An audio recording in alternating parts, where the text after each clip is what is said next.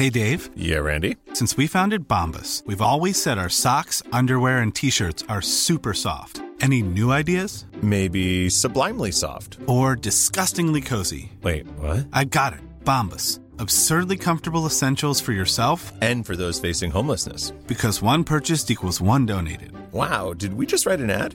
Yes. Bombas. Big comfort for everyone. Go to bombas.com slash ACAST and use code ACAST for 20% off your first purchase. Life is made up of many gorgeous moments. Cherish them all, big and small, with Blue Nile. Whether it's for yourself or a loved one, Blue Nile's unrivaled selection of expertly crafted fine jewelry and statement pieces help make all your moments sparkle. Blue Nile's experts are on hand to guide you, and their diamond guarantee ensures you get the highest quality at the best price. Celebrate a life well lived in the most radiant way and save up to 30% at BlueNile.com. That's BlueNile.com. Millions of people have lost weight with personalized plans from Noom, like Evan, who can't stand salads and still lost 50 pounds. Salads, generally, for most people, are the easy button, right?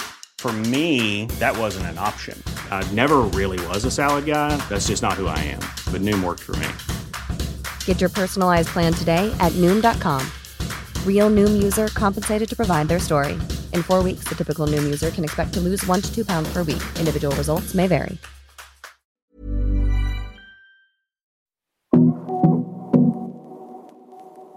Hej och varmt välkommen till Karriärpodden och avsnitt 237 där jag träffar Evin Settin, juristen och före detta politikern som efter att ha arbetat som advokat och företrätt brottsoffer nu är högaktuell även som författare. Boken Mitt ibland oss som beskriver erfarenheter från gängkrigens front som hon skrivit tillsammans med Jens Liljestrand har väckt extremt stort intresse. Det här är ett långt avsnitt med en spännande berättelse om en kvinna med en oerhört stark drivkraft. Evin arbetade i många år efter juristexamen som politiker inom Socialdemokraterna i både Södertälje och Dalarna. Vi får i avsnittet även ta del av historien om när Evin blev en del av kurdiska kvinnors frihetskamp mot den iranska regimen och vad det ledde till för hennes del. De senaste åren har hon arbetat som advokat och specialiserat sig som målsägarbiträde i mordärenden kopplat till gängkriminalitet. Det här är framförallt ett samtal som handlar om vikten av att öppna dörrar, rätt dörrar. Men också om att aldrig ta något för givet. Om att vara snabb och springa barfota och om perspektiv. Innan vi drar igång vårt samtal vill jag passa på att tacka Karriärpodden och Women for Leaders samarbetspartner Volkswagen Group Sverige. Tack för att ni gör det möjligt för oss att sända Karriärpodden och att jag får fortsätta lyfta fram förebilder. Här kommer nu avsnitt 237 med min gäst Evin Settin. Jag heter Eva Ekedal.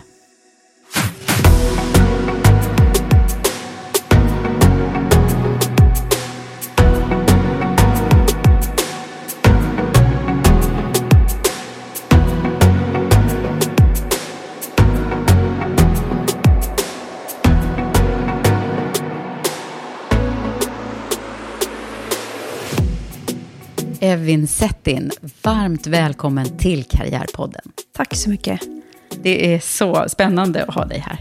Jag ser fram emot samtalet. Ja, men jag med. Ja. Så här, vi har tassat runt lite ämnena och, och eh, så, men inte pratat färdigt. För det, jag hindrade dig. Så jag bara, nej, prata inte mer nu, du måste berätta det nu i podden.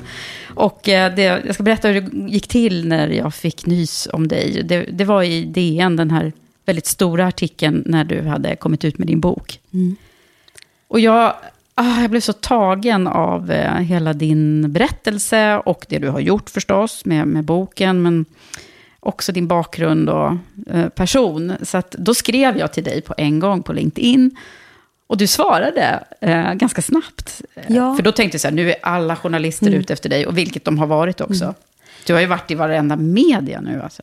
Ja, men samtidigt har det varit jätteviktigt för mig att svara. Jag tror nog, jag brukar säga att när jag själv skriver och någon faktiskt svarar, då blir jag jätteglad. Mm. Och det har varit viktigt för mig också. Jag hade faktiskt idag, fick jag av min sekreterare veta att en, en person som sa att han var 90 år hade läst boken. Mm. Och sen ringde han till mig, så jag ringde efter en timme och han var så glad. Och jag bara tänker att om man, om man kan bidra med det, Ja. så ska, så ska man kunna göra det, och så länge man kan. Alltså, Bara tanken att någon vill prata med en tycker jag ändå är ganska fint. Ja, och, och så berättade jag för dig lite grann om, om varför jag gör det här och eh, hur vi kan liksom sprida och pay it forward. Och, och det du, din resa och vad det kan, så andra kan spegla sig i det. Jag, jag tror det är viktigt. Jag tror hela den här äh, möjligheten till att samtala och samtala lite djupare. För vårt samhälle har ju en tendens att man kortfattat berättar inslag eller one-liners. Man når aldrig ut på det på riktigt. Så att jag, jag gillar det längre samtalet eller de längre intervjuerna. För då kommer det äkta fram på något sätt. Och det är viktigare för mig än one-liners.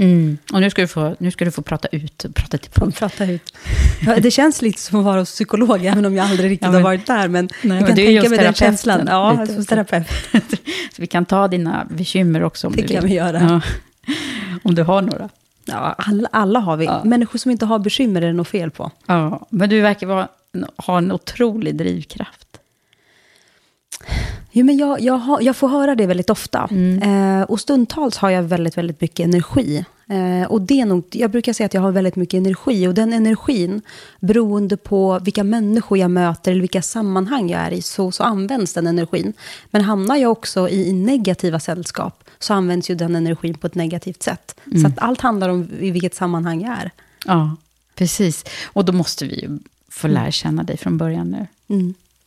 Vem är du?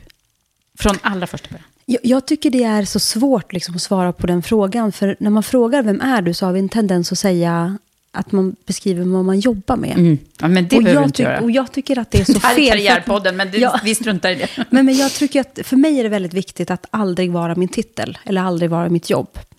Eh, jag, jag brukar säga att men jag, jag är Evin Settin där jag har ett perspektiv där jag känner att jag lever på lånad tid. Mm. Alltså jag känner att min, min frihet, den är bara tillfällig. Och det kommer nog från min uppväxt. Eh, jag kom hit när jag var väldigt liten. Eh, mina föräldrar flydde från Turkiet när jag var två år. Men hela min uppväxt har präglat av att vi någon gång ska åka tillbaka. Att vi bara är här för att det ska bli bättre. Och att ha den uppväxten gör ju att man någonstans tänker att man ska åka tillbaka. Ehm, men jag mötte ju också så här, um, och pappa brukar alltid säga så här, Sverige är möjligheternas land. Se till att liksom ta vara på dem. Och på något sätt så har jag haft liksom de kombinationerna att Sverige är möjligheternas land, men att vi också kanske ska åka tillbaka. Och då har jag tänkt att min, min tid här och nu bara är tillfällig och begränsad.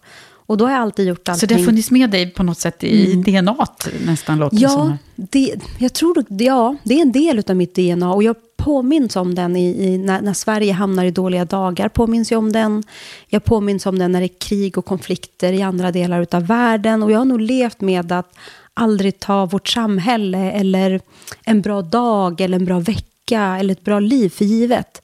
För jag vet ju att någon gång så kan det tas ifrån en. Och människan glömmer nog bort det. Precis som kärleken, vänskapen, pengarna, det trygga boendet. Det kan tas ifrån en och jag tror nog på senare åren kanske människor har förstått det mer. Men vi tog ju väldigt mycket för, för givet. Många människor har tagit sin bostad för givet fram tills nu. Ehm, ja, så det är Men nog berätta, liksom min- ta oss till, till Bollnäs, för det var där det var. Ja, Eller var det där det började? Ja, men mina, mina föräldrar... Jag, jag föddes ju i sydöstra Turkiet. Sydöstra Turkiet där, där mina föräldrars bakgrund har präglat vem jag är väldigt mycket. Jag kommer ju från en mix av liksom kulturer, religioner och språk. Och det är nog det som har berikat mig också, mitt perspektiv hur jag ser på människor. Eh, Min, min pappa är kurd eh, och min mamma är syrian.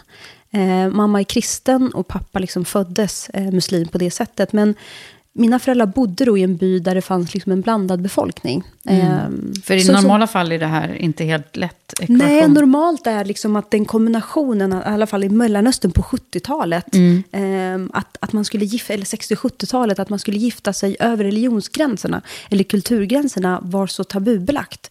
Men, men mamma som tillhörde en, en mer ekonomiskt välbärgad familj och min pappa som tillhörde samhällets liksom mest ekonomiskt svaga, han var föräldralös. De hittade någonstans fatta tycke liksom för varandra liksom, ge- genom kärleken. Och, och deras kärlek resulterade till att de inte fick leva ihop eller vara tillsammans. Så mina föräldrar rymde.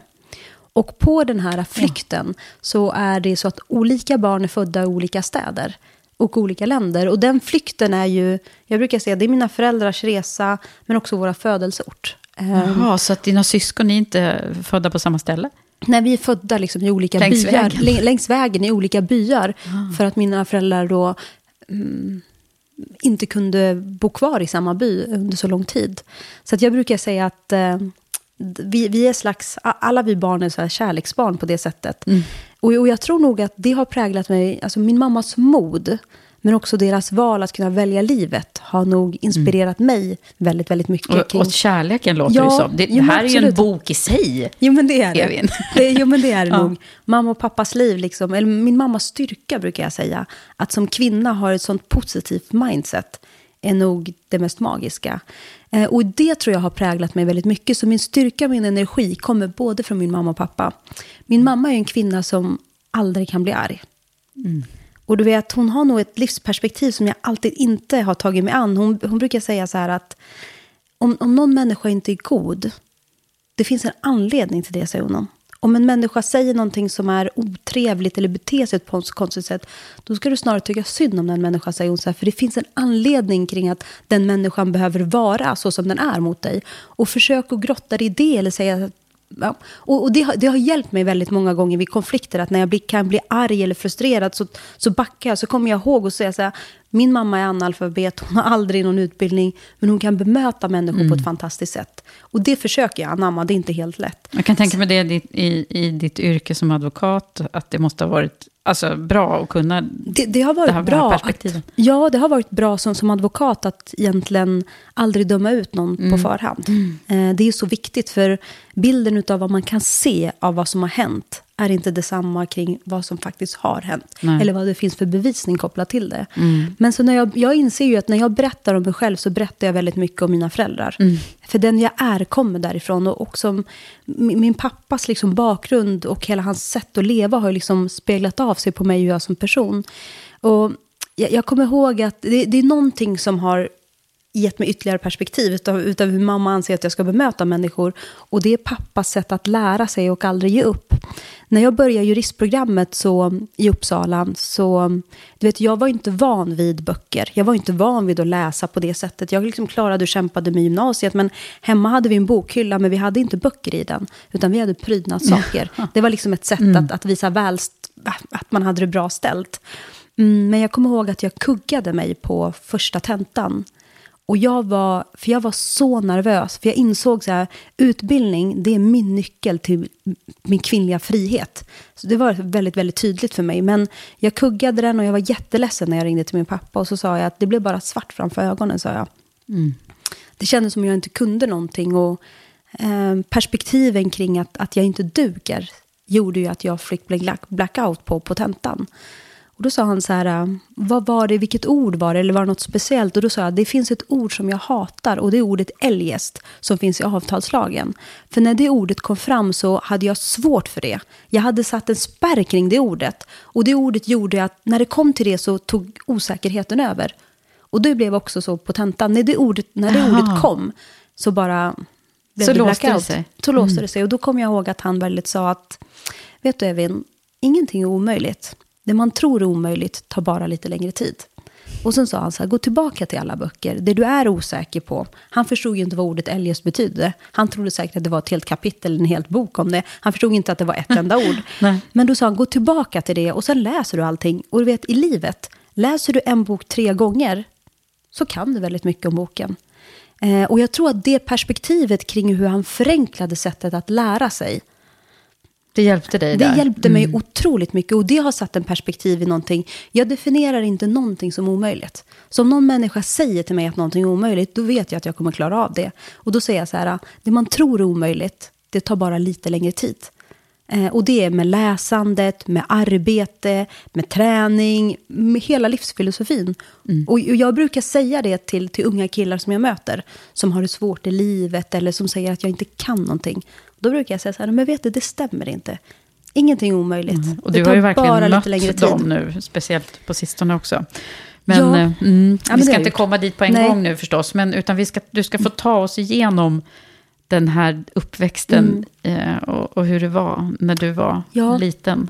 Ja, men vi, vi kom ju hit och mm, min familjs resa eh, inledningsvis berodde ju på vart min pappa fick jobb. Pappa var ju jordbrukare eh, och odlade liksom bomull, med, allt möjligt som jordbrukare eh, när vi växte upp. Men när han flydde då till Sverige, när, de, när vi kom till Sverige så tog man ju liksom de jobb som fanns. Så via en bekant som själv jobbade i pizzabranschen så introducerade de pappa liksom till, till pizzabranschen. Och där började han i Alfta, Eskilstuna och därefter slutligen när han köpte ett gatukök i Bollnäs. Så när jag var sex år så flyttade vi från Eskilstuna eh, till Bollnäs. Mm. Och det är någonstans där jag hittade mitt hem. Det är jag därför kan... det är liksom, jag trodde det var Bollnäs från början, för det är det som, nej. när man har läst om det. Men, nej, nej. Men, men för mig är Bollnäs hem. Och mm. Jag säger alltid att jag ska typ åka hem, när jag säger att jag ska åka till Bollnäs. Och trots att jag inte har någon i familjen som bor kvar där, så är det ändå hem för mig.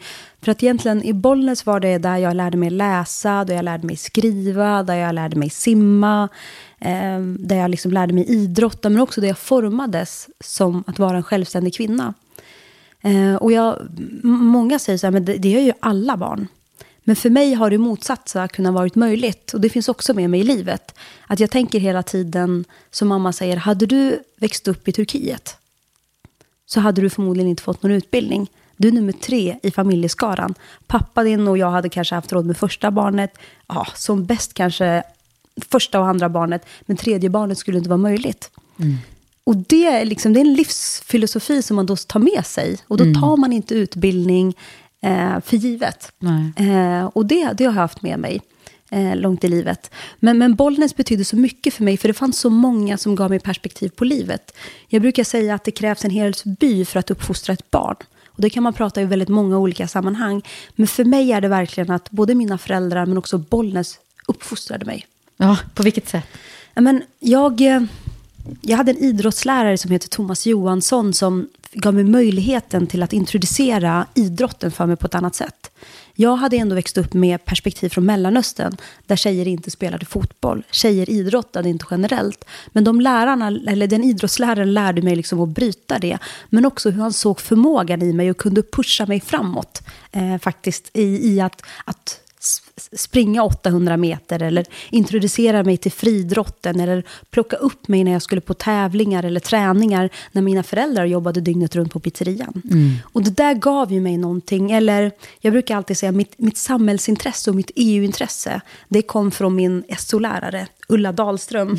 Ja, eller två grejer roligt. kom från henne. Hoppas att eh, de lyssnar här nu, ja, som blir två, omnämnda. Två grejer kom från henne faktiskt. Mm. Min kärlek till klackskor. okay. Och min, min kärlek till så här, samhället och EU-rätten. För Ulla hade alltid nya klackskor. Och jag brukade alltid säga, Ulla, hur mycket klackskor, klackskor har du? Och säga, jag har ett helt rum fullt med klackskor. Oh. Och det har blivit för mig att jag älskar att gå i klackskor. För att för mig var det förknippad med den pondus som, som, eh, som Ulla Dahlström hade liksom, som, som kvinna. Mm. Eh, och sen så... Men du, idrotten har betytt mycket för dig, va?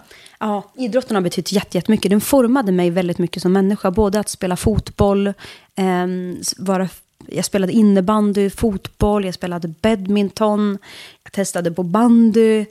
Eh, alltså det är klart, bandy i, ja, Bollnäs. Men, men hela friidrottsperspektivet, mm. allt det där gjorde jag väldigt, väldigt mycket. Och det var olika tränare, olika föreningar. Och där fostrade jag, liksom, fostrades jag i gemenskap, att tillhöra någonting, men också faktiskt hur man ställer upp för varandra. Mm. Um, mina föräldrar kunde inte. Mamma hade inte körkort, kunde inte köra bil. Pappa jobbade från 10 till 10 på pizzerian. Så att, att mina föräldrar skulle kunna skjutsa mig, den möjligheten fanns inte. Men jag hade alltid så här typ Fias mamma, eller Helens mamma, eller Fridas mamma, eller någon av deras pappor, eller så Daniels pappa som plockade upp mig. Och jag kommer ihåg det här fortfarande. Och en del kan ju tänka så här, varför berättar hon om det för? Är inte det så här vardagliga grejer? Men för mig är det inte någonting som man tar för givet. Mm. Och det är som de här små grejerna som blev liksom att Bollnäs blev hem för mig. För jag växte verkligen upp liksom med kärlek från en från en bygd. Ja, och jag från har hela det, bygden? Ja, men jag, jag mm. har det verkligen med mig jätte, jätte.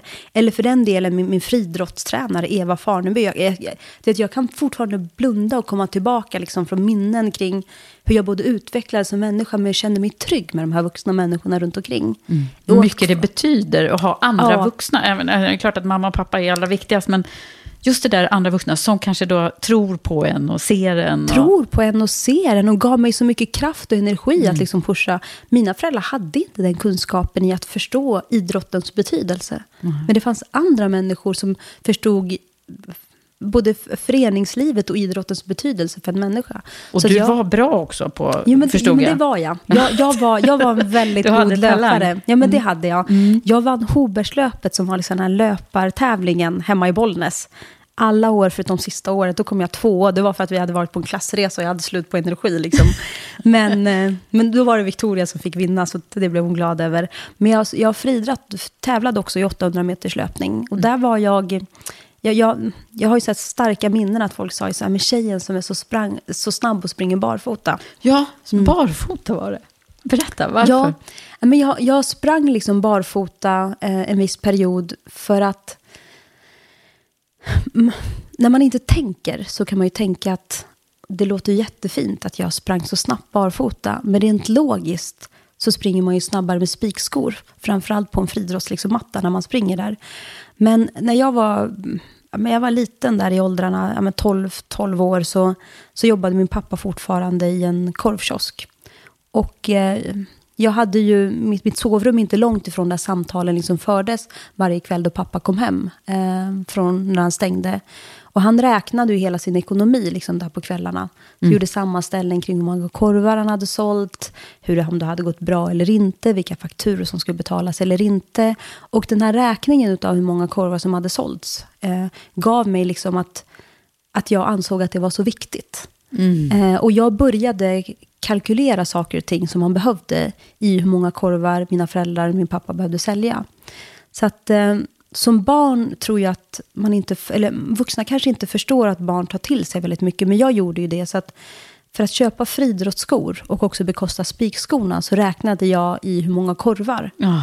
Eh, det skulle Det kosta för mina föräldrar. Det var liksom min valuta att jag Ja. räknade om saker till det. Och, och jag tog nog ganska tidig ställning. Alltså jag, jag, jag upplevde, eh, hade ju inte belägg för det, men jag, för att vi hade, min pappa jobbade och slet för, för att familjen skulle kunna få runt allting. Men jag upplevde ändå när han räknade, att jag trodde att han räknade för att vi var fattiga. Eh, och, och just... Och då ville du bespara dem? Ja, jag ville liksom inte att, jag ville inte eh, belasta mina föräldrar med, med liksom ekonomisk tyngd. Och tog liksom besluten i att jag inte då skulle köpa inledningsvis friidrottsskor. Och då sprang jag liksom barfota. Eh, det var också därför jag var så snabb liksom på att sälja så väldigt mycket bingolotter. För att det skulle liksom underlätta för saker och ting. Ja. Men och jag säger nog det där för att det är så, det är så viktigt att komma ihåg att det, när barn gör en del grejer, när de inte vill ha vissa saker eller tar konstiga beslut som man kan tycka inledningsvis att springa barfota. Men det fanns ju en förklaring för det. Det var ju inte det jag sa. Senare, senare fick jag faktiskt ett par eh, eh, friidrottsskor med, med spikar liksom, på det sättet. Men, men jag hade det så ett tag. Och hur Eh, och gick jag det då? Sprang du snabbare då med, med Ja, men spik? det gjorde jag. Det, det gjorde jag. Och det är jag den tänkte annars hade du utvecklat en teknik. en teknik. Nej, men det gjorde jag ju inte. Alltså, det är klart att man inte springer snabbare. Men jag tror nog att, visst kan det vara jobbigt att prata om det ibland, men jag tror att det är viktigt att göra det för att förstå också den upplevda fattigdomen som väldigt många barn faktiskt går igenom här och nu idag. Du vet, vi, vi pratar ju om ökade liksom räntor, alltså man höjer räntan, man pratar om inflationen, man pratar om allt möjligt, men i det så är det ju ett barn som upplever när föräldrarna pratar. Jag var ju inte i rummet när mina föräldrar pratade Nej, om den du bara ekonomin. hörde. Jag bara hörde. Eh, och det tror jag väldigt, men man ska verkligen tänka på det. Jag brukar säga både lärare, friidrotts och träningsledare måste verkligen tänka på det när liksom man hanterar barn. Att den ekonomiska delen är en så viktig del i kring hur barn om de fortsätter träna, om de, varför de inte har tillräckligt utrustning. Och det där gör ju att barn kan liksom välja motivation. Och det här exemplet gör ju att jag kan identifiera mig med en hel del av de killar som jag faktiskt beskriver i boken. Som vi ska prata senare om. Men jag, jag kan förstå vad man kan göra för det. Och jag, jag, brukar, jag har sagt det i någon intervju att ehm, om någon hade sagt att du får en tusenlapp som tolvåring för att leverera en väska någonstans, då hade jag ju nog gjort det. Och framförallt om det hade varit någon grannpojke, någon annan. Bara du tar en väska från en gård till en annan gård, så får du en tusenlapp. Mm. Det är klart att jag för har gjort det. För var så liksom Ja, men viktigt. dels det, men att barn inte har ett konsekvenstänk. Nej.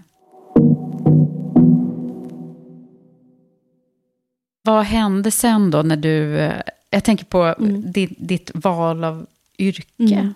Hur, hur gick det till?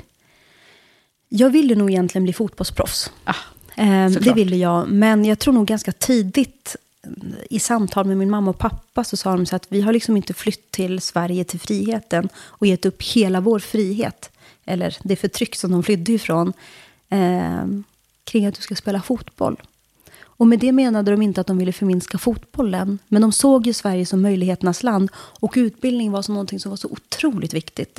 Så att jag växte ju upp med att universitetet, det var liksom valen var mellan pizzerian och universitetet. Det fanns liksom ingenting annat. Och där var mina föräldrar alltså väldigt hårda i hur viktigt det var med skolan.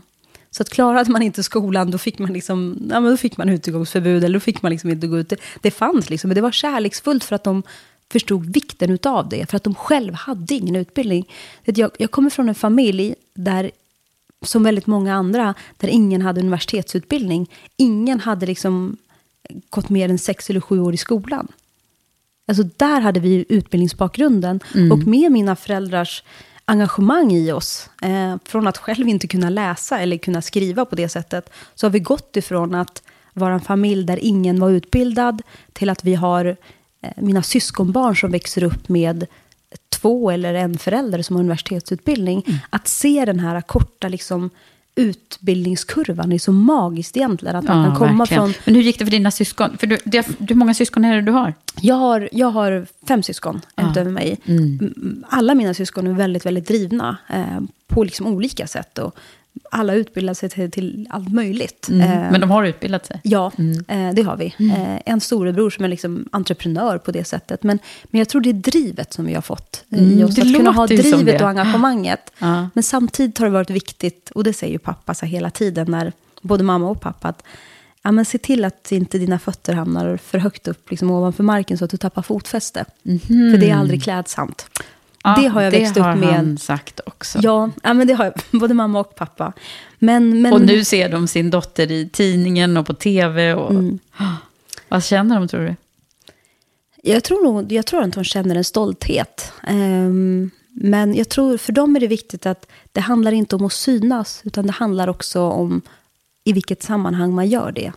Eh, pappa brukar ju säga att synas är ju inte alltid det positiva, utan det är sammanhanget man syns med. Så jag tror att den här boken, även om mina föräldrar inte kan läsa boken, så tror jag nog de är, de är stolt. För att Jag kom hem med, med boken, första trycket gick, tog jag hem till mina föräldrar. Och jag hade nog aldrig tänkt eh, den tanken först det slog mig när jag var i trädgården med mamma. Och där jag liksom visar boken och hon stryker handen över den. Och så inser jag att min mamma aldrig kommer kunna läsa boken. Från sida ett till sidan till slutet av sista kapitlet. Och då påmindes jag om att jag kommer tillbaka till min egen verklighet. För vet, ibland när man är liksom i Stockholm och lever det här livet där man har utbildat sig och kommer in i olika nätverk, möter olika människor i olika chefspositioner med makt och status och pengar, så blir det en del av ens bubbla. Men sen kommer man hem och så kommer jag tillbaka till trädgården där mamma odlar sina, eh, sin sallad, sin gräslök eller vinblad. Och sen så inser jag att här har jag skrivit en bok där den syns i all media över hela Sverige. Och sen så har jag en mamma som inte kan läsa den. Ehm, Men hon får lyssna. Ja, hon får När den lyssna, kommer hon får på lyssna ljudbok. när den Den har kommer inte på kommit ljudbok. ännu, men- men det är en speciell känsla, men det är också en beskrivning av vart jag kommer ifrån. Ja. Och det tror jag är viktigt att, liksom, att, Att beskriva. har det. det här är jag på grund av eh, de här omständigheterna. Men om någon skulle säga till mig att jag, eh, när jag gick i skolan, att jag skulle skriva en bok, det trodde jag ju nog aldrig. Eh, jag fick nog kanske höra av en lärare att människor med din bakgrund kan aldrig få MVG i svenska. Ehm, Va? Ja, men och det var nog inte taskigt menat, utan det var nog hennes referensramar. Ehm, Mm. Men, du fick det, eller? Va? Jag, nej, det fick jag inte. Jag fick VG utav henne. Eh, Det kommer jag ihåg. Men, men ändå. Det, så den uppväxten har jag från Bollnäs. En väldigt fin uppväxt, eh, som, som jag minns det. Men samtidigt som man kämpade. Det fanns ju någonting som man andra inte hade. Mamma brukar ofta säga att, du vet Evin, glöm inte, när livet blir svårt. Vi kom hit där vi, det enda vi ägde, det var det vi hade på oss från flykten. Och sen hade vi skulder i pengar för att vi hade tagit oss till Sverige. Och därifrån började vi. Och titta, säger hon. Titta vad vi har. Vi har mat på bordet. Och det perspektivet är Det är väldigt, väldigt, viktigt väldigt att ha med sig. Och, och det, du har ju också blivit, varit Mm. politiskt aktiv, eller är. Och, och frågan är, liksom, när kom det in i ditt liv? Politiken, eller så här, för mig är politik samhällsengagemang. Så att jag brukar säga att människor har så här lite, lite, lite negativ bild av politiken. Och för mig så är det snarare att jag säger att jag har ett samhällsengagemang. Jag tror nog jag hade den redan när jag var aktiv som så aktiv i elevrådet eller för att förändra i skolan. Eller, jag var alltid med i någonting när någonting behövde förändras. Så jag tror nog jag har haft mitt samhällsengagemang redan långt tillbaka. Eh, men sen så kom nog det engagemanget från att jag kommer från en bakgrund där jag tillhör minoritetsgrupper som faktiskt har levt med förtryck. Ehm, vi tar ju friheten av att få bestämma vad ens barn ska heta för givet. Eller vi tar friheten av att få prata det svenska språket för givet. Eller vi tar friheten för att säga att vi är svenskar för givet. Men jag kommer ju ändå från ett område eh, där andra etniska grupper inte har fått existera. Jag kommer ju från Turkiet men tillhör två minoritetsgrupper där det var länge var förbjudet att prata kurdiska eller syrianska.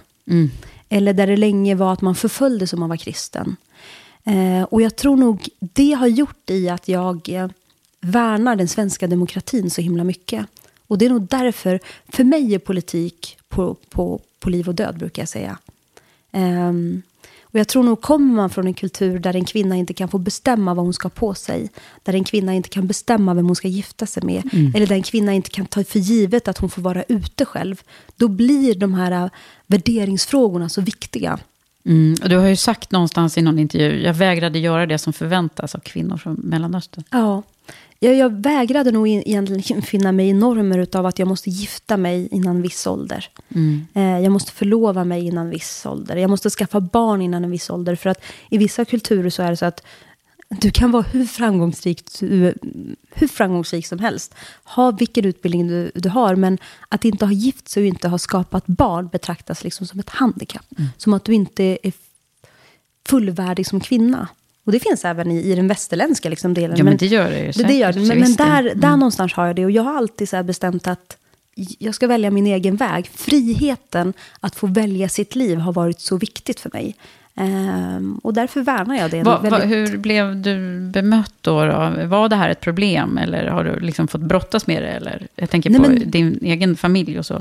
Jag har nog inte fått brottas med det, men att ändra värderingar kring hur, hur man får leva har jag ju fått jobba med. Eh, det har jag verkligen fått göra.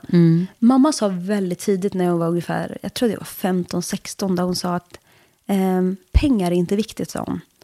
Eh, fundera inte på pengar för materialistisk vinning, utan fundera på pengar som frihet för dig som kvinna. Och det har jag haft med mig så himla länge. Jag har haft det när jag har jobbat politiskt. Och då förstod jag nog värdigt i det utav att jag inte ville vara bunden kring att vara ekonomiskt beroende utav mitt, alltså det politiska partiet jag var engagerad i. För jag insåg så efter ett tag, om jag, inte, om jag är rädd för att ta något jobb utanför när jag hade jobbat tio år politiskt, då var jag ju inte fri. Och det var ju det mamma menade. Var ekonomiskt fri så att inte någon ska kunna styra dina tankar, hur du tänker och tycker, eller vilka val du, du väljer. Och det var liksom friheten kopplad till att vara rädd att förlora jobbet. Eller senare så var det väldigt viktigt att friheten som kvinnan att kunna välja för att kunna lämna en chef som inte skapar en god arbetsmiljö för en. Det var också så väldigt, väldigt tydligt för mig. Eh, eller för den delen, eh, friheten att, att kunna välja den chefen, att gå ner i lön för att kunna ha en chef som, som har värderingar, som man bryr sig om. Så det har varit jätte, jätteviktigt för mig. Eh, inte pengarna i sig, men den frihet du får eh, när du Ja. kan välja det. Men ska vi ringa in lite din eh, karriärväg här nu då? Mm. Eh, Ja, men jag, var, eh, jag började plugga juristprogrammet. Kom in i juristprogrammet och insåg så här att det är inte många som har den bakgrunden som jag har, som går juristprogrammet. Men träffade väldigt många fina människor. Men jag, jag försökte ju få sommarjobb, som alla andra. Men hade ju inga, jag, jag hade ju inga kontakter. Jag brukade säga så här, jag hade kunnat få jobb på en pizzeria vart som helst i Sverige. Men att kunna få jobb på en advokatbyrå under studenttiden var för mig omöjligt, hur mycket jag än kämpade med det. och tillfälligheter tycker jag att man ska ta vara på. Och någonting, det finns ju ett skede i mitt liv där liksom någonting hände. Där politiken öppnades upp och mycket annat. Um, det var mm. i alla fall, när jag, när jag var på juristprogrammet så insåg jag att ens föräldrars bakgrund har väldigt stor betydelse i samhället. Och det var då jag började engagera mig för Socialdemokratiska förbundet, mm. studentförbundet.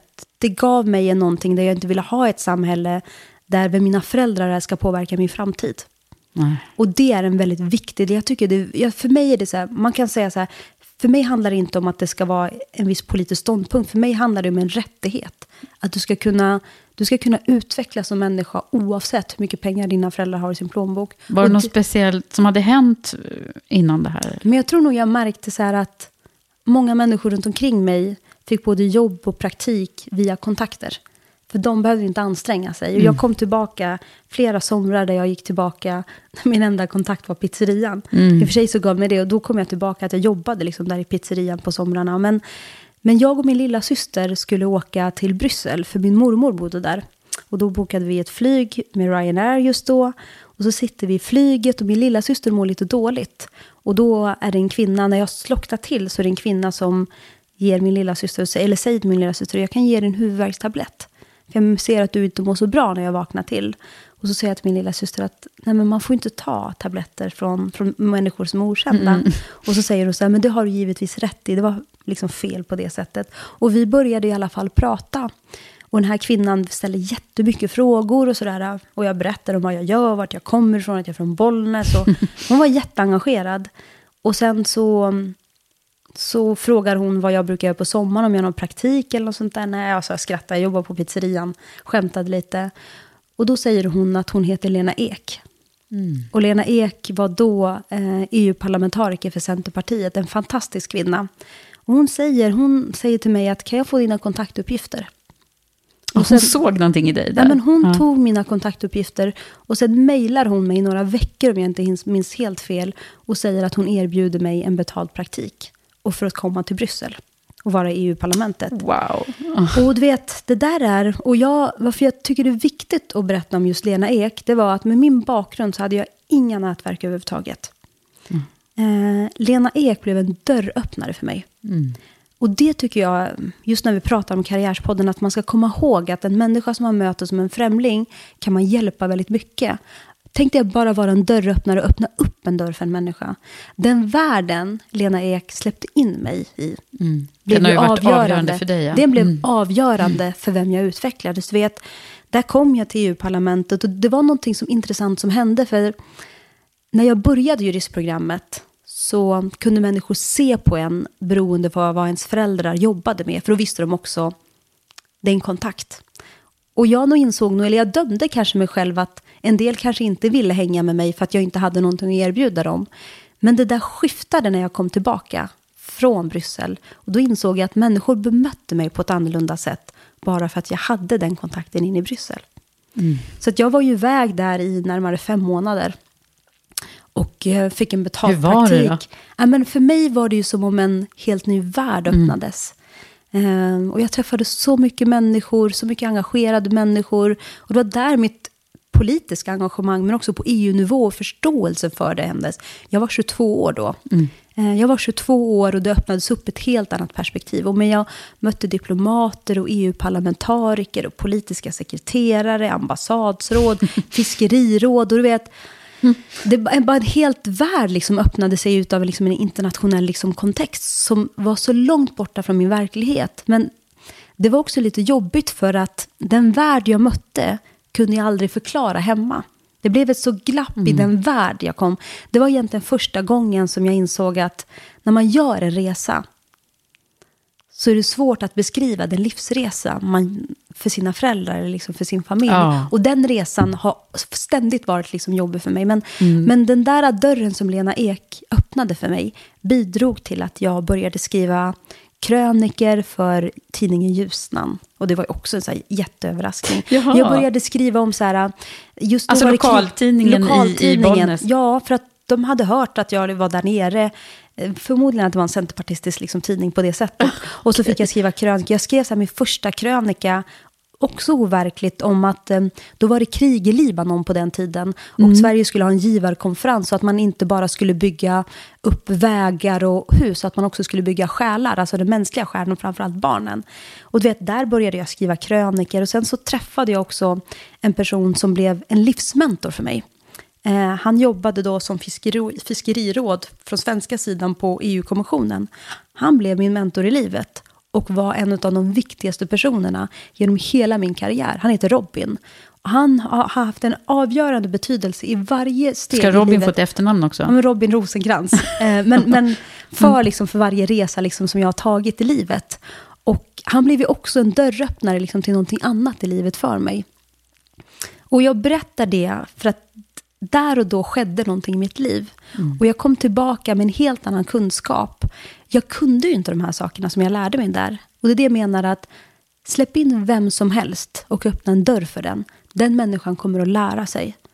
Och det brukar jag ge som ett tips till när människor säger att eh, vi ska jaga talanger. Och jag tycker att det är ett sånt begränsat, snävt sätt. Varför pratar vi inte om att vi ska skapa talanger? Varför berättar vi inte om att vi ska skapa möjligheter för människor istället? Eh, och det är nog den synen som jag också vill se på de killar som jag beskriver om i boken. Eh, vi ser dem som kriminella. Men det är ju för att någon öppnade upp narkotikavärlden när de var 12-13 år. De öppnade fel dörr. De öppnade fel dörr och ingen annan har öppnat upp en dörr. Och jag är livrädd att de är så unga, kommer att dömas, kommer att komma ut från fängelset innan de som är 25 år. Och vad händer om samhället inte öppnar en ny dörr åt dem? Kan vi knäcka gängen då? Och jag, jag nämner det för att man också ska förstå i mötet med människor att människan kan alltid ändra sig. Och det perspektivet måste vi ha med oss väldigt, väldigt mycket. Och jag, jag, för mig handlar det inte om att försvara människor som begår brott. Men också att bortom brottet finns någonting annat. Och vad är det, Det vi ger till de bortom människor? Det där människan. bortom människan. Ja, men, Så att, ja, alltså, det här är så, nu kommer vi in på boken och det, vi gör det nu känner Ja. jag. Vi kan inte hålla oss borta ifrån Nej. den längre. Nej, men eh, det är ju, det är ju så, eh, det har ju skapat väldigt mycket engagemang kring den, i- den du släppte boken. Mm. Eh, därför att det här är ju en sån het fråga som vi pratar om i allra högsta grad Mm. eh, nu under valrörelsen också. Men om, om du skulle bara få berätta om varför du gjorde det här. Då, då kanske vi måste backa till advokatlivet. exakt. Ja, då gör vi det först. Ja, nej men jag, eh, efter, jag var ju politiskt aktiv i, i tio år. Det är liksom en resa Mm. I för sig. Södertälje, Jag var politiskt aktiv i Södertälje. Sen hamnade jag i Dalarna. där jag är uppvuxen. Så vi har, vi har redan enats här om att om, om att det finns eh, någonting det där. finns eh, gemensamma nämnare i en massa saker. Verkligen. Ja. Men Södertälje fick jag, jag var 23 år och det var direkt efter EU-parlamentet som jag kom tillbaka då till Södertälje. Ehm, och Då kom det från EU. Liksom, det, det kom, jag ja. kom ju från EU och hela... Förvånansvärt, men jag kommer ihåg att det första jag fick göra det var att eh, min chef Anders Lago hade blivit inbjuden till amerikanska kongressen. Mm. Och han skulle, hålla, han skulle vittna eh, inför den amerikanska kongressen om att Södertälje ensamt hade tagit emot fler flyktingar än hela USA och Kanada tillsammans. Just. Så för mig blev det ju ändå så här någonting speciellt att komma utifrån en internationell kontext och sen komma till Södertälje och få åka till USA. Eh, ja, men, och det, det var liksom vad jag gjorde. Liksom, Alltså vilken politiskt. start på yrkeslivet Ja, men jag, har, jag har haft, jag tror jag har haft tur. jag, jag har haft tur i en hel del. Men, men och jag, jag tror nog, och varför det är viktigt för att komma till boken, för att någonting hände också där i Södertälje. I Södertälje så fanns ju de områdena som jag inte hade växt upp med. Eh, områdena där det fanns, där man pratar om förorterna, eller men, där, där ja, liksom förorterna där ute. Där väldigt många hade föräldrar som var arbetslösa, eller dit många flyktingar flyttade till. Och, och redan där så utformade vi politiska förslag om att alla barn och ungdomar skulle få jobb och praktik eh, och utbildning. För att det var ett sätt att bryta liksom, den segregation som man lever i. Eller redan där så bestämde vi oss för att vi ska sluta prata om flyktingar som en belastning. Och s- istället för att säga så här många flyktingar har vi tagit emot så började vi säga vi bemannar Sverige. Och så började vi se, istället för att räkna antalet flyktingar, så började vi räkna antalet läkare, antalet hjärnkirurger. Och så visade det sig, när vi identifierade alla de här flyktingarna, så insåg vi att Södertälje hade flera hjärnkirurger. Södertälje hade flera läkare, flera byggnadsingenjörer, alltså på många olika sätt. Och jag tror då, alltså den delen att i lokalpolitiken få möta verkligheten. För politik på riksnivå, man möter inte på konsekvenserna på gatan, men när man jobbade så lokalt så kunde man fatta ett beslut och gå ut på gatan där de klappade en liksom, på axeln och sa till min chef, jättebra jobbat.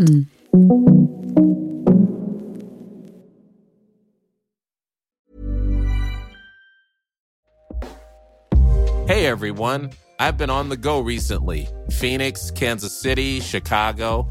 If you're like me and have a home but aren't always at home, you have an Airbnb. Hosting your home or a spare room is a very practical side hustle. If you live in a big game town, you can Airbnb your place for fans to stay in. Your home might be worth more than you think. Find out how much at airbnb.com/slash boast. Introducing Wondersuite from Bluehost.com.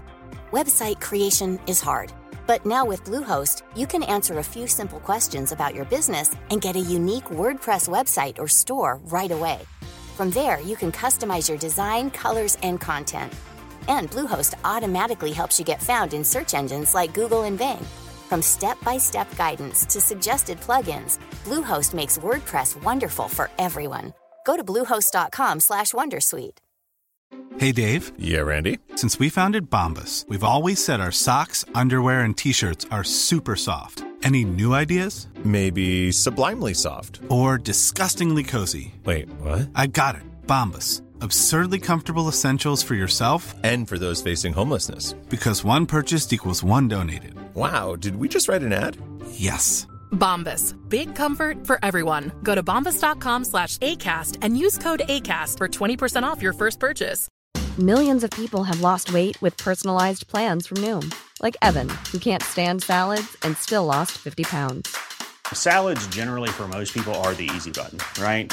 For me, that wasn't an option. I never really was a salad guy. That's just not who I am. But Noom worked for me. Get your personalized plan today at Noom.com. Real Noom user compensated to provide their story. In four weeks, the typical Noom user can expect to lose one to two pounds per week. Individual results may vary. Hey, I'm Ryan Reynolds. At Mint Mobile, we like to do the opposite of what Big Wireless does. They charge you a lot, we charge you a little. So naturally, when they announced they'd be raising their prices due to inflation, we decided to deflate our prices due to not hating you. That's right. We're cutting the price of Mint Unlimited from $30 a month to just $15 a month. Give it a try at mintmobile.com slash switch. $45 upfront for three months plus taxes and fees. Promo rate for new customers for limited time. Unlimited more than 40 gigabytes per month. Slows. Full terms at mintmobile.com. Jag hamnade i en ganska uppmärksammad eh, händelse 2012.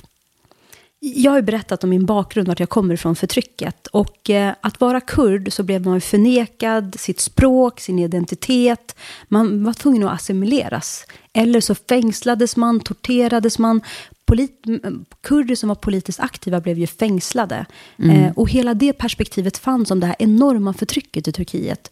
Och då fanns det ju människor, framförallt kvinnor, som vägrade att acceptera att leva på det sättet och skapade olika motståndsrörelser. Så att som kurd har jag hela mitt liv växt upp med att för att kurder ska få existera så har man en motståndsrörelse. Alltså kvinnor, som kvinnor och män som bedriver liksom en, en väpnad kamp för sina rättigheter. Ja. Och du vet, under hela min uppväxt och alla kurder så växer man ju upp med att barnlåtar eller barnvisor eller allmänt så liksom, låtar handlar om kriget och om förtrycket. Och de som är modiga nog att för att få sina rättigheter, mänskliga rättigheter, behöver offra sitt eget liv. Och jag tror nog att innan kriget i Ukraina tror jag inte folk förstod det där riktigt. Du vet som svensk att, att, att leva med den tryggheten så tog man ju avstånd från allt det. För att man förstod inte vad det innebar att offra sitt liv för demokratin. Men kriget i Ukraina ändrade ju perspektivet. Vi ser ju nu vilka heroiska insatser man får göra i Ukraina för att försvara den. Och jag tror vi hemma i Europa förstår det mer för att Ukraina inte är så långt bort ifrån oss. Men man förstod inte det när det var kurder i Mellanöstern som behövde fightas. Och det var ju så konstigt folk.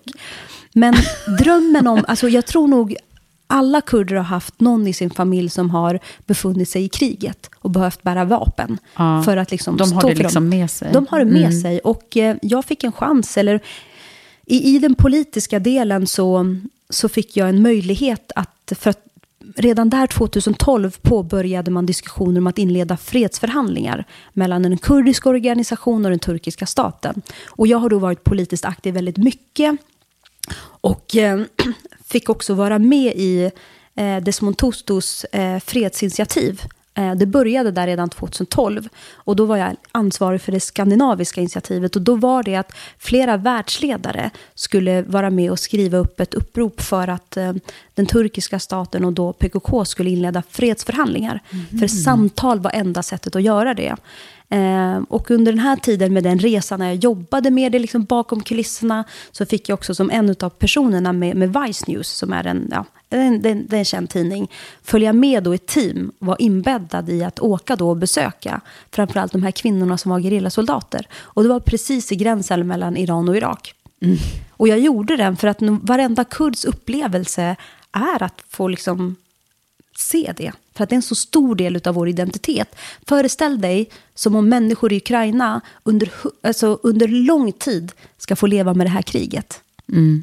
Så har kurder fått så uppleva. Har de haft det. Mm. Ehm, och där och då, jag åkte dit där 2012 och eh, kurder har en speciell egenskap. Det spelar ingen roll, alltså, för att kunna överleva eller inte tappa hoppet i det här förtrycket och i det här kriget, så dansar man. Dansen är en del att få tillbaka kampen. Så kurder, när man, jag, jag har varit med om att när man demonstrerar så dansar man. Mm. När man protesterar så dansar man. Alltså i allting, det är en, det är en, det är en kulturell grej. Mm. Det och, händer ju någonting i, i, i, i Gemenskapen, människan. kamratskapen. Mm. Och man har ju så här speciell ringdans också. Så sjunger man kamplåtar och allt vad det innebär. Men, det är deras teambuilding det är helt deras, enkelt. Ja, ja, där har du någonting. Ja.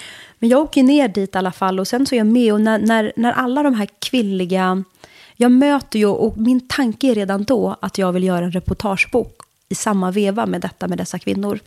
För jag tror en del av min kamp, som mamma liksom också beskriver om, kommer från den här kampen som kvinnor behöver göra. Min frihet, alltså kvinnliga feministiska kamp, är ju inte berättelsen om kampen här i Sverige. Det är ju om kampen om att få existera i ett förtryck som kvinna från Mellanöstern. Mm. Eh, och jag bestämmer mig för att jag också då i med den här resan ska skapa liksom kunskaper och framförallt så vill jag förstå de här kvinnorna. Och jag åker ju ner dit och får träffa och intervjuar väldigt många kvinnor. Och en av kvinnorna ställer jag frågan till exempelvis, jag, jag ställer en fråga så här, varför offrar du ditt liv och din frihet och kommer upp hit till bergen och lever i princip i de här grottorna? Och så skrattar hon och säger så här, det märks att du har blivit europe, säger hon. Och för mig känns det så här, åh nej, nu har jag ställt en fel fråga. Och så säger hon så här, nej men, jag klandrar det inte, säger hon. Och så tar hon upp sitt hårstrå, hon har jättelångt hår. Hon mm. har hår liksom ner liksom till ryggen och så tar hon fram ett hårstrå och så säger hon så här, ser du det här hårstrået? Eh, vet du vad det innebär att få kämpa att ens hårstrå ska få leva i frihet? Mm. Hon var kurdisk kvinna från Iran och lever med liksom hela det här um, förtrycket om att en kvinna inte får gå ut slöjad. Och då sa hon så här, när du säger varför jag offrar min frihet, jag offrar ingenting, för jag har ingen frihet. Mm. Och för mig var det där liksom en så stor, liksom, viktig grej som man kanske inte riktigt förstår i Europa. Vad det innebär att till och med behöva kämpa för sitt hårs existens, att ah. leva ute i den fria luften. Och då sa hon så här, tänk dig att om inte ens mitt hårstrå kan få leva i frihet, hur ska jag då som kvinna få leva i frihet? Och jag blev ju liksom, jag, jag blev liksom väldigt tagen av det där. Jag kommer hem och har, liksom, jag har fortfarande, det ska bli en bok av det där, men, men jag kommer hem och sen så blir jag, eh, jag har då varit ställt upp i EU-valet eh, några år innan.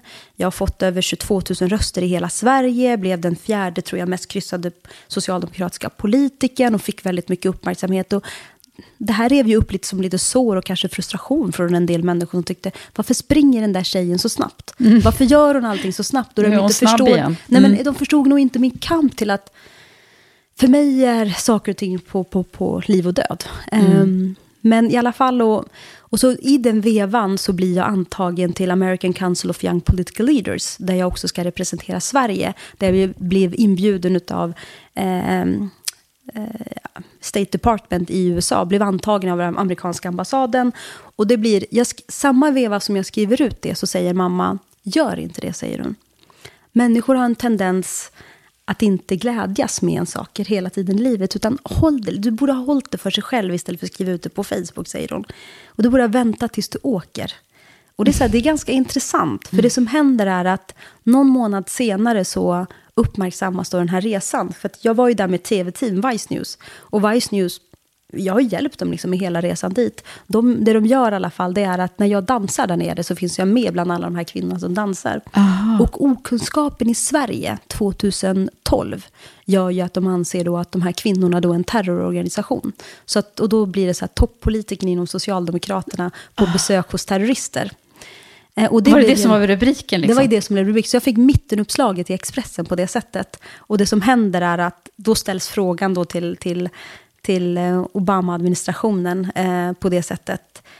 Kan, kan, kan en person som har, eh, som har besökt en terrororganisation få göra den här resan? Och det som händer är, mitt i det hela så ställs just den här resan in. Så jag ska ju åka dit, har fått mitt diplomatpass, jag har fått allting och så ställs det in. Och gud, så din mamma hade typ rätt Min, min, mamma hade, nej men min mamma hade verkligen rätt. Och det där har blivit sen en, en egenskap i att vänta med att berätta. Och det är också...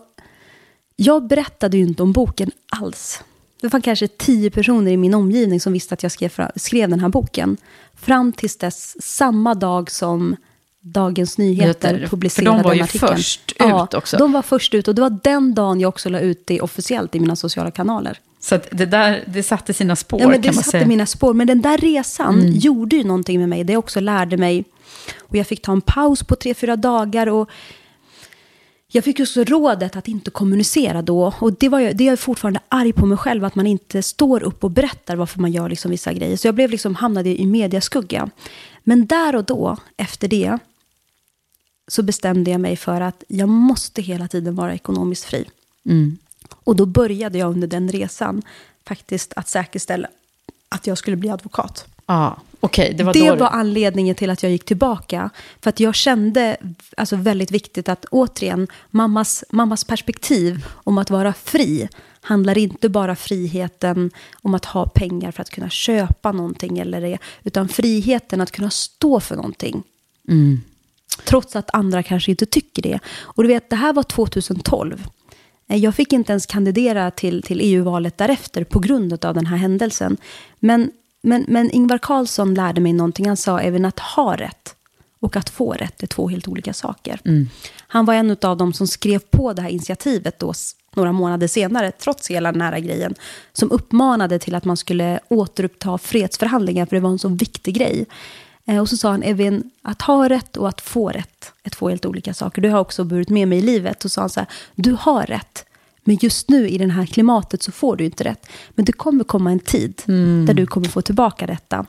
Och det, Och det gick är inte, nu, typ. nej, men, nej, det gick inte många år. Och de här kvinnorna som jag besökte blev då inbjuden till utrikesdepartementet. Och av hela världen betraktades som hjältar. För att det var, de som, det var de här kvinnorna som var i kampen med att stoppa IS framfart i Irak och Syrien. Du vet, vi har ju läst. Så om den de här... var ju hjältarna, det visste ju du då, men det var Ja, men- alla andra och, fattade ja, inte det. och det Ja. fattade man inte för att det var... Det, det fanns en stat som definierade dem som terrorister. Mm. Och, det, och för mig har det här inneburit en sån enorm liksom lärdom i hela det livet. Men, men de här kvinnorna blev ju hjältar, eh, hamnade liksom på framsidan av alla Le Mans, alltså alla framgångsrika tidningar i världen porträtterade ju liksom de här kvinnorna med en kamp. För det var de som satte skräck i, i IS och inte tillät dem. För, för de här kvinnorna, vet, kriget mot IS handlade inte bara om, om att de inte skulle få erövra samhällen. Det handlade om hela deras kvinnliga existens. För de visste att skulle de här få ta över, då skulle alltså förtrycket bli ännu värre. Ah. Ehm, Vad har och- hänt med de här nu då? Nej, men det som har hänt, nej, men de betraktas fortfarande av omvärlden. Förutom av Turkiet så betraktas de av liksom resten av omvärlden som, som hjältar. Eh, vi har hela anti-ISIL-koalitionen eh, som, som hela världen och även Sverige är med i. De samarbetar eller befinner sig i Irak och Syrien just på grund av de här kvinnorna. Eh, USA stöttar liksom hela den här basen. Eh, och jag berättar Så du gjorde helt rätt i att vara där och dansa med Ja, dem det det och intervjua dem?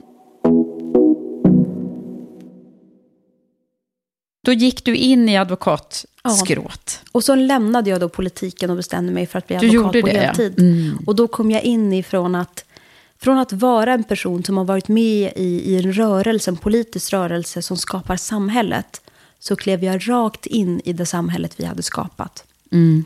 Och jag började med att jobba med asylärenden, familjemål, men sen gick jag över till att vara målsägande beträde i, i, i olika delar.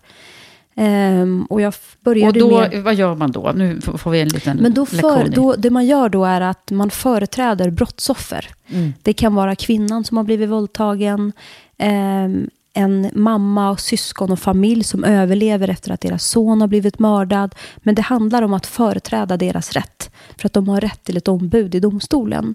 Men allt eftersom, i alla fall under de senaste åren, då blev det mer att jag jobbade nästan uteslutande med mordärenden kopplat till unga människor som blir avrättade. Mm. Och runt om i, i, i landet har jag företrätt familjer som har fått sin son mördad. Och då är man van vid att ett målsägande beträde egentligen hanterar skadestånd.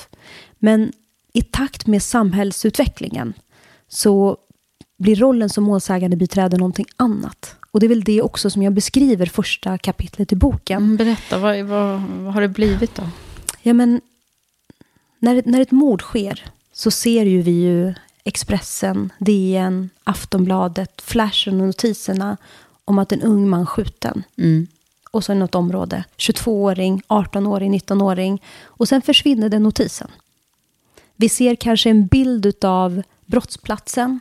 Vi ser en suddig bild av kanske en kropp som befinner sig där. Eller avspärrningar med polisband. Det är liksom vad vi ser. Sen försvinner det här från våra radar. Mm. Några politiker blir arga och frustrerade, säger att vi måste knäcka gängkriminaliteten och efter ett tag, poff, så är den notisen borta. Och det är när den notisen blir borta efter någon dag som jag kliver in i verkligheten. Och då blir jag ju... Och står där men bredvid då står jag familjen där eller bredvid. vad det nu kan vara som har blivit drabbade. Normalt som advokat så kommer ju klienterna till ditt kontor eller så går du till ett polisförhör eller i, i någon annan sitter häktad. Eh, så har du polisförhöret där. Men i mordärenden kan du aldrig be en familj som precis har mist sin son och är i en tragedi där sonen kanske inte har blivit mördad långt, alltså många meter framför deras egen port. Och då blir det att du kan inte be dem att komma dit. Det är liksom omänskligt. Föreställ dig själv i den egna sorgen. Men samtidigt så kommer de behöva höras av polisen, berätta information och detaljer. Och det man gör då det är att man, jag gör det i alla fall, jag åker hem till dem och möter dem där i, i deras trauma. Mm. Eh, för de orkar ju inte komma till kontoret. Nej. Och du kliver då in mitt i en trauma. Eh, och jag brukar säga som advokat har jag aldrig blivit förberedd på just detta. För du är mer än en advokat. Du möter människor Du skulle ju i behöva trauma. ha terapeututbildning och allt annat Ja, också. men att möta människor Mm. i rädsla, skräck, chock, frustration, förtvivlan, sorg och allt det här möter du samtidigt. Mm. Samtidigt som du ska utföra ett arbete. Och det som har varit en utmaning, varför det har varit jobbigt att jobba med de här äh, fallen, det är ju att tystnadskulturen har ju brett ut sig. Alldeles för många vågar inte prata med polisen. Däremot kan de prata med mig. Ah, Så okej. att det blir du någonstans har fått där reda på en massa saker som inte någon annan har fått. Ja, du blir Mm. någonstans liksom en mellanhand liksom i information. Och det är inte bara familjen, det är ju alla runt omkring som vet någonting som inte vågar prata med polisen. De vänder De sig till dig. dig. Så att ganska tidigt får du ett försprång i information. Mm. Samtidigt som det är viktigt för, för polisen och samhället att förundersökningar, att människor pratar. Och där någonstans mitt i den tumulten så dyker upp. Och sen så ska du hantera ensamma mammor, eh, ensamma familjer, deras rädsla för våran son blev mördad framför huset. Kan de mörda någon annan? Uppfattningen omkring att det finns ett hot kring familjen. Verkliga hot eller inte, liksom spekuleras ju allt det här. Och på något sätt blir det att du hamnar mitt i en människas trauma om liv och död. Men Evin, hur har du, hur har du klarat liksom, att uppleva de här sakerna själv? För du var ju liksom Mm. inte beredd på det som du sa, att du hamnar mitt i det här. Alltså jag är nog uppväxt med att... Jag är uppväxt med min bakgrund att veta att unga människor dör. Men de dör i en kamp för, för sin frihet. Men inte, inte en sån här död. Nej. Inte en död i ett av världens rikaste länder. Där du dör genom att få ett skott eller två skott mot kroppen eller i huvudet, inte långt ifrån kanske din mammas port. Mm. Inte på det sättet att en mamma hör några skott och får springa ner och möta sin son livlös där nere. Alltså det meningslösa våldet och morden, mm, det är väldigt, väldigt svårt att hantera. Och det, det har varit fruktansvärt jobbigt. Mm. Samtidigt som jag tror att jag har en viss egenskap där jag, jag kan bara inte stänga av telefonen efter en viss tid. Nej. Jag kan liksom inte bara säga att men nu är min arbetstid slut. Det går inte i de här fallen. Och efter ett tag så inser du att ibland är du den enda personen som kan ge en mamma en tröst. Mm. Och det är inte att hon ringer på grund av de juridiska frågorna, utan ibland första veckan kan det handla om förnekelsen om att hennes son har dött. Och att du kan få samtal om att "Eh, han kommer komma tillbaka, Evin. Trots att hon vet att han har blivit mördad. Han kommer komma tillbaka. Och det är oftast de mammorna som inte får se kroppen. Mm. För när det blir en brottsplats så stänger man ju av och ingen får komma ner för att det finns, kan finnas avgörande bevisning, DNA. Man vill ju inte att någon ska närma sig brottsplatsen. Så det kan vara en mamma som jag beskriver i boken som ser en kropp, kropp ligga där och förstå, är det här min son eller inte? Och sen kan det ta veckor till att den får ta farväl av sin son. Och i den här smärtan så ska du finnas där som medmänniska, möta dem, få dem att eventuellt samverka med polisen, rädsla, hopp, framtidstro, men drömmar som slocknas och framförallt människor som tror att de aldrig kommer orka leva. Ja, är, Och där hanterar öden du- och, vilka, vilka livshistorier och, Nej, men det, och det är livsöden upplevelser. och där finns liksom den här frustrationen. Och där någonstans, jag, var, jag, jag orkade inte längre se en enda till ung kille begravas. För jag går på begravningarna. Om man läser boken så förklarar jag varför jag går på begravningarna. Och att det finns en kanske en juridisk förklaring. Att det kan finnas vittnen, information, beteendemönster på begravningarna som kan vara avgörande. För det som är, det är ju att numera så kan det vara en barndomsvän som är den som sätter en kula i ditt huvud. Mm. Det kan vara den barndomsvännen som dyker upp på begravningen och sen senare blir, ja, Ja, blir misstänkt för en förundersökning. Av den anledningen också till begravningarna? Ja, det finns en. Jag, jag Mm. väljer att spara det liksom Ja, okej. till den för person som vill läsa det. Ja. För jag, jag tror man måste förstå helheten Mm. för att förstå. För, kortfattat att berätta det. Men där har jag jobbat och, och i min frustration så tror jag, jag att jag är ju en människa som vill förändra samhället. Och jag kände på slutet att jag bidrar inte med någon förändring. Inte?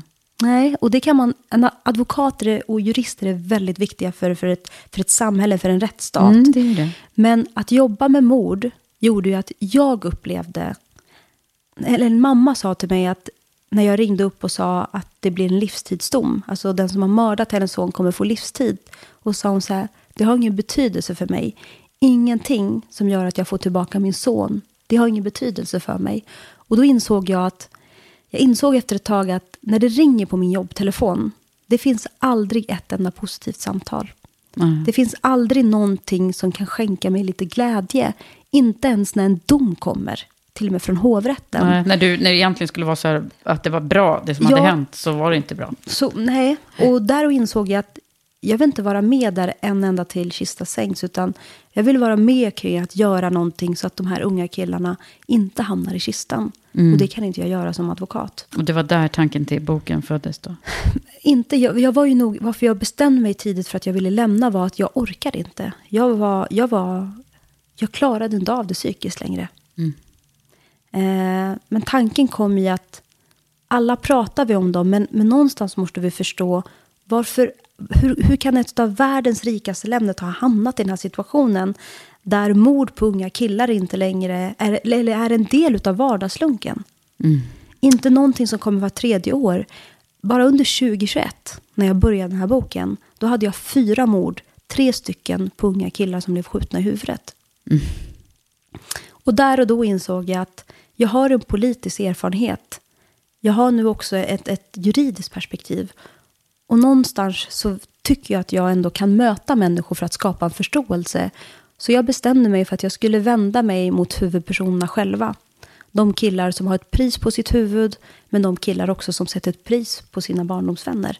För att förstå hur kommer det sig att detta sker? För att få ett annat diskussionsunderlag till den debatt vi har i samhället just nu. Och det är det jag, där började jag liksom. Där började boken. du. Ja. Slutade du då att jobba med Ja. det här? Ehm, I ehm, augusti så lämnade jag in min begäran om utträde i advokatsamfundet. Och det kändes också väldigt konstigt för att Tänk dig att man, när man flyr, när ens familj kommer från flykten och lämnar liksom och kommer till ett nytt land, så utbildning A och O. Att skaffa sig, Mm. Ja. bli Och någonting vettigt. du att Där har jag du har- kämpat. Och, och jag kunde ju först liksom tro att folk har ju inte förståelse för liksom varför man kan lämna. Nästan som om man, men det handlar inte om att lämna, utan det handlar om att skapa någonting annat. Mm. Och det tar jag också med mig att rädslan för att göra någonting annat, vi får inte vara rädda för att också ibland säga att nu gör jag någonting annat. Eh, jag kan komma tillbaka när jag vill som advokat. Men ibland när man känner den känslan så måste man ta modet i att också orka lämna. Mm. Och det gjorde jag där och då. Så att från första augusti får jag inte titulera mig som advokat. Nej, så att okej. jag är då, då får man ju säga att jag är jurist. Jag är utbildad jurist, men jag är inte advokat, för det är en skyddad titel. Ehm, men sen så kom boken ut ehm, här sista veckan i augusti. Mm. Och det blev ju verkligen... Hur kommer det sig att det blev så uppmärksammat, tror du? Jag, jag, jag vet inte, men, men under en veckas tid så gick jag från att ingen visste att jag skrev den här boken till att jag var med i första sidan i DN och första sidan i Dagens Industri och sen blev det SVT, det var TV4 och det gick så snabbt att jag liksom själv inte hann med riktigt. Nej, hur, hur klarar man det där? Fast du var ju ändå tränad, politiskt aktiv Ja, och ja. van att, att föra din talan och så. Ja, men jag, jag är Mm. nog van. Jag är van att, att, att prata och vara med liksom i media. Men, men jag var ju ändå nervös inför detta. För det här är någonting som jag inte har gjort. Mm. Hur, hur pratar man om en bok? Hur beskriver man någonting så tragiskt som sker i samhället? Och jag har ju mött de här killarna. Du vet, det fanns ju också en rädsla kring... Du vet, ute i samhället finns ett enormt hat. Alltså ett enormt hat. Och också hur man gestaltar de här unga pojkarna med all rätta med, liksom, med de enorma liksom, brott som de begår kring att mörda liksom, någon annan. Men vad skulle folk tycka om att jag mötte de här människorna? Mm. Det fanns ju den Så rädslan ja. också. Men samtidigt så var jag trygg liksom, i, i min del att Men du angriper ju på ett annat sätt än det vi, det vi tidigare har. Ja, alltså någonstans måste vi förstå, för att, för att kunna göra någonting så måste vi förstå hur de har hamnat där de har gjort. Mm. Vad är anledningen till att en ung kille på 17, 18, 19 år kan sätta en kula i sin barndomsväns huvud? Ja. Det måste ju finnas liksom någonting och det är det jag har... Det var det perspektivet du ville veta. Ja, jag ville förstå. Jag ville förstå för att utan att förstå så tror jag inte man kan hitta lösningar. Vet, hela den här valrörelsen har hamnat om att alla pratar om att vi ska knäcka gängkriminaliteten. Men jag har ställt mig frågan, men vad är det vi ska knäcka? Och går det att knäcka? Och jag kommer ju till den frågeställningen som jag ställer mig. Kan man knäcka gängkriminaliteten utan att knäcka narkotikaomsättningen i Sverige? Ja, det är okej. Det är där du det är hittar... där, det är där jag är den. Och det är det, om man läser den här boken så förstår man också att narkotikan har liksom en, en grund, är en grund till varför de hamnar, varför de ens börjar där de är. Det är att I det här mötet med de här unga killarna, det tog ju tid att få förtroende från dem. Du vet, vissa trodde ju att jag var informatör, att jag var ja, men, polis, att jag var... Jag menar, allt möjligt. Ja. Så det tog ju tid att skapa förtroende för att de också skulle berätta. Eh, Hur gjorde du då? jag bestämde mig för att jag behandlar dem som, som människor. Det låter ganska konstigt att man säger det som om man inte gör det. Men det är nog för att de själva är vana vid att porträtteras som monster. Mm. Och jag tror nog att jag tror nog jag har lärt mig i och med internationella konflikter, i alla de resor jag har gjort i Mellanöstern, i de projekt jag har samarbetat med, så tror jag att att möta människor är väldigt viktigt. Och jag tror nog Jan Eliasson nämnde liksom någon gång väldigt tidigt, han, han har ju mött allt elände liksom runt om i världen, men, men han var ju också att det är ju samtalet och just i de här mötena Mm. som du kan skapa den förändring du behöver. Mm. Eh, och då måste du också möta människor med respekt. För mm, det finns säkert...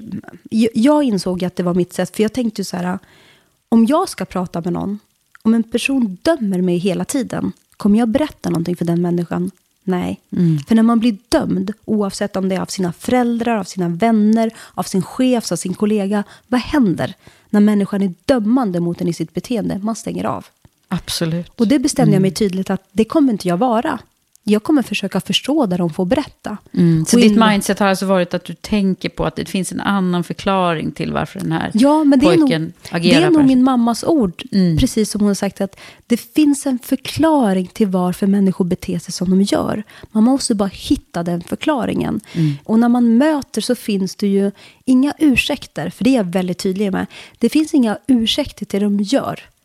Men det finns en förklaring till varför de har hamnat Mm. där de gör. Och det är det vi behöver förstå, vad, hur vi ska kunna förändra det. För att, Ja, exakt. ja, så du har lösningen här egentligen. Jag har nog inte lösningen, jag har, det säger jag inte. Det, jag tror jag citerades fel i SVT när, när en programledare som inte hade läst Ja, boken sa... jag- jag läste den ja, men då, sa hon så här att du har lösningen. Jag säger inte det, jag tror att den här boken är att bredda perspektivet. Mm. För vi, i, i, I dagens samhälle tror jag att vi alldeles för sällan liksom stänger igen och, och minskar diskussionsunderlaget. Och det är därför vi får ett dåligt samhälle. Det är som en arbetsplats. När du smalar av och inte har högt i tak, då blir det en kultur som skapas som inte är bra. Mm. Och så har vi det också ute i samhället idag. Så jag vill med den här boken att vi ska liksom bredda på och ställa frågor. Och det är därför, i den här boken ställer jag mig ganska många frågor. Och jag tror nog att det är bättre att göra det så att människor kan få tänka. För jag har fått enorm respons med den här boken, även om jag har varit ute kort tid. Där det har varit människor som säger att de har aldrig förstått det här, även om det borde vara självklart. Så att det jag, egentligen det jag får fram i boken, det är väldigt, väldigt självklart. Men vi pratar inte om det och väljer att inte se det. Det, det, alltså jag tycker jag blir helt fascinerad, det är därför jag är så tyst i den här poddavsnittet. Dels så pratar du så bra också, men jag, jag, jag känner så här, det icke-dömande samtalet. Det, det här kan man applicera på, Ja. på nästan allting. Allt. Ja. Det är ju så här ledarskap, eh, framförallt i, i, i, alltså i alla organisationer så tror jag att man skulle, alltså så mår man bra av att höra. Och jag, i, i andra sammanhang, jag tänker så här i säljsamtal har jag faktiskt använt för det här. Eh, det ska jag inte berätta allt för mycket om, men, men det är ändå så här att, eh, att tänka, att tankar om den personen man möter som man kanske har lite svårt att nå. Om man tänker positiva ändå så här, det finns någonting gott i alla liksom. Eh, även om det där är, går ju klart inte att tänka gott eh, på det sättet om de som har, som har begått brott på det sättet. Men jag menar, det finns en förklaring. Det är väldigt bra att sätta ord på det på det sättet. Ja, men det finns det. Ett samhälle där människor inte har samma förutsättningar har ju en tendens att blossa upp till, till ojämlika förutsättningar gör ju någonting med ett samhälle. Jag brukar säga så här, föreställ dig om man är en familj där man ger barnen olika förutsättningar ekonomiskt, kärleksmässigt. Den där familjen blir väldigt trasigt. Precis som man inte kan ha sin familj eller uppfostra sina barn med så skeva olika förutsättningar så kan man inte heller göra det med ett samhälle. Och det någonstans har varit liksom min lärdom. Så att den här boken känner jag har varit en resa genom min egen resa i Sverige. I att jag själv fick uppleva den här upplevda fattigdomen som ett barn. Och jag kunde se min resa i att om, jag, om någon hade öppnat narkotikavärlden för mig och som tolvåring sagt till mig, bär en väska, så hade jag förmodligen gjort det. I det kunde jag mötas med känslan som de här unga killarna gjorde när de som 12-13-åringar rekryterades till att vara narkotikans barnsoldater. Det är så jag definierar dem. Och sen så kunde jag se liksom mitt eget liv, där Lena Ek, vilken dörr hon öppnade för mig. Och så kan jag se så här att det var en god dörr som öppnades för mig. De här killarna, det var en ond dörr som öppnades för dem. Problemet är, när Lena öppnade en god dörr så öppnades alla de här goda valmöjligheterna som jag fått i mitt liv. Den onda dörren med att de som barn hamnade i att sälja narkotika, i det våldet, det förtrycket, den förnedringen, det gjorde ju bara att det var bara onda dörrar som öppnades. Så att komma från det, att sen börja skjuta, är egentligen inte så konstigt. Alltså vi behöver öppna fler goda dörrar. Ja. Det, det är det som är, gud vad bra du sätter ord på det här Nej, Evin. men, men en av de här killarna, som också jag beskriver om i boken, Mm. han, han har också mött goda människor efter att han liksom har lämnat. Och han, prat, han sa det faktiskt bara för några dagar sedan till mig. Han säger så här, åh gud, egentligen ska man satsa på någonting som människa, det är att öppna dörrar, att vara dörröppnare. Han bara, det är det viktigaste i livet. Och jag tycker att det är så intressant. Och du vet, det är ingenting som kostar. Det är bara, du som människa kan alltid öppna en dörr till någon annan. Frågan är om du väljer att göra det eller inte göra det. Mm. Då blir det en bättre Och värld. det- helt ja. klart. Och du vet, det där är, går helt i linje med det jag håller på med faktiskt. För jag håller ju på och eh, öppna dörrar och, och framförallt eh, uppmanar till att vi måste skicka vidare. Ja. Och det är ju det du gör så fint här nu med, med din berättelse. Jag tänkte vi ska börja avrunda nu, Mm. Evin. Och först ska du få en fråga Mm. från min samarbetspartner, som Ja. jag in, nästan höll på att glömma bort nu. Men den ska vi inte glömma, för den är jätteviktig. Och den, den kommer du att gilla. Eh, för den handlar ju nämligen om eh, det inkluderande, eller eh, det hållbara ledarskapet. Och det är då min samarbetspartner som heter Volkswagen Group Sverige, som skickar med den här frågan till alla som är med här. Så att de undrar så här, vad ser du som hållbart ledarskap? Och vad är det viktigaste en ledare behöver göra? Jag tror att hållbart ledarskap är för mig någonting som kanske inte är som alla andra. Jag tror att hållbart ledarskap handlar inte om hur man är själv på sin arbetsplats. Utan vad det är för utveckling man bidrar till i samhället. Det är för mig ett hållbart ledarskap. Att man också ska lära både sina medarbetare med sig själv. Att man är någonting större än sitt eget företag. Så se, se bortom det också. Ja, se bortom det. För du vet, vad ska man med ett företag till när samhället faller samman? Mm. Vad ska man med hållbart ledarskap till när samhället liksom drar isär där hatet sprids istället för liksom det goda? Mm. Så det, ja, det ser Bra. jag. Det där, det där svaret tror jag inte jag har fått höra så många andra gånger. Det var väldigt bra. Eh, sen så brukar jag försöka försätta mina gäster i situationen att de är typ 20 igen. Mm. Nu är du, vad är du nu, 30, 38. 38. Eh, och tänka så här, vad hade du behövt höra då, som du vet nu, eh, som lite senare med, med x antal erfarenheter? Att någon hade sagt att även det kommer lösa sig. Alltså, det finns, en, det finns en väg och en möjlighet för alla liksom här i livet. Och att inte vara så rädd att det inte finns ett sätt att leva på eller liksom ett sätt att välja liksom en väg för hur man ska försörja sig, utbilda sig. Och att du kommer ändra dina karriärsval så många gånger i livet som jag har gjort. Ja. Och att det är okej. Det har du ju verkligen gjort. Mm. Och, och då blir man ju också nyfiken på, så här, eh, vad, vad, vad ska du göra nu då? Jag tror nog att för mig ska jag nog göra det jag alltid har gjort genom alla mina jobb. Och det är det när folk säger så här, du lämnar någonting, då säger jag så här, nej, det jag har gjort tar jag med mig bara till ett nytt område. Mm.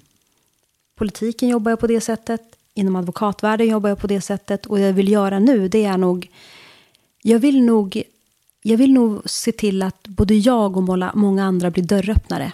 Mm. Dörröppnare för de som är uträknade. För vet ni, det är, alla pratar, har vi pratat om, hört i den här valrörelsen, att det ska vara hårdare straff. Fler ska in i fängelset. Jag förstår att människor ska dömas och hamna i fängelset. Det är jag självklart med på. Jag är advokat och liksom står upp för rättssamhället. Men någon gång ska de här människorna komma ut. Om alla måste vi ställa oss. Ska vi kunna förändra den här riktningen, då måste det vara någon som öppnar en dörr till någon som vi faktiskt kallar gängkriminell. Mm. För om inte någon öppnar den dörren, då kommer det bara vara den onda dörren som är öppen. Och Hela det är tiden, deras liksom. enda ekonomiska trygghet, det är narkotikan. Och det vill jag vara med och få in liksom att näringslivet har en avgörande roll i det perspektivet. För när politiken inte alltid, och då menar jag så här, jag är socialdemokrat, men jag menar politiken som helhet, när de inte är riktigt kapabla att se den större bilden, när de hamnar i liksom den här trångsynta, kortsiktiga liksom delarna, då brukar jag säga att då måste näringslivet vara med och ta en aktiv kraft. Jag ser liksom mm, USA som ett föredöme, inte alltid i allt, men i en grej. Det var att när man liksom kom in och begränsade aborträtten på olika sätt, då tog näringslivet in och arbetsgivare och sa att vi hjälper till med detta och detta. Det här är en annan fråga, men jag tror att näringslivet måste kliva in och inse sin roll. Räddar vi en person, så gör vi också en förändring i samhället. Och den förändringen vill jag vara med och driva. Vad spännande det ska bli och få fortsätta följa dig. Och framförallt, stort tack till det du gör. Det är en väldigt viktig samhällsinsats. Tack så mycket Evin för, och för att du har varit med här. Jag har varit helt uppslukad av eh, samtalet med dig. Längre än vad det skulle vara. Tack så jättemycket för att jag fick möjligheten. Och jag har nog varit lite rädd för poddar tidigare, men jag tycker ändå att det här blev... Jag tror nog miljön att vara i, att du skapade... Att det känns väldigt tryggt att vara här. Mm. Gjorde nog att jag kanske öppnade upp mig och pratade lite mer än vad jag brukar göra. Ja, härligt. Ja. Tack snälla. Tack så jättemycket. Hoppas att du gillade det här avsnittet och blev inspirerad. Stort tack till dig som har lyssnat på mig och min gäst Evin Settin. Glöm nu inte att följa Karriärpodden och Women for Leaders i sociala medier. Stjärnmarkera gärna podden i podcasterappen och dela avsnittet om du gillade det. Det gör mig så tacksam och glad. Det var allt från mig och Karriärpodden den här gången. Men vi hörs snart igen.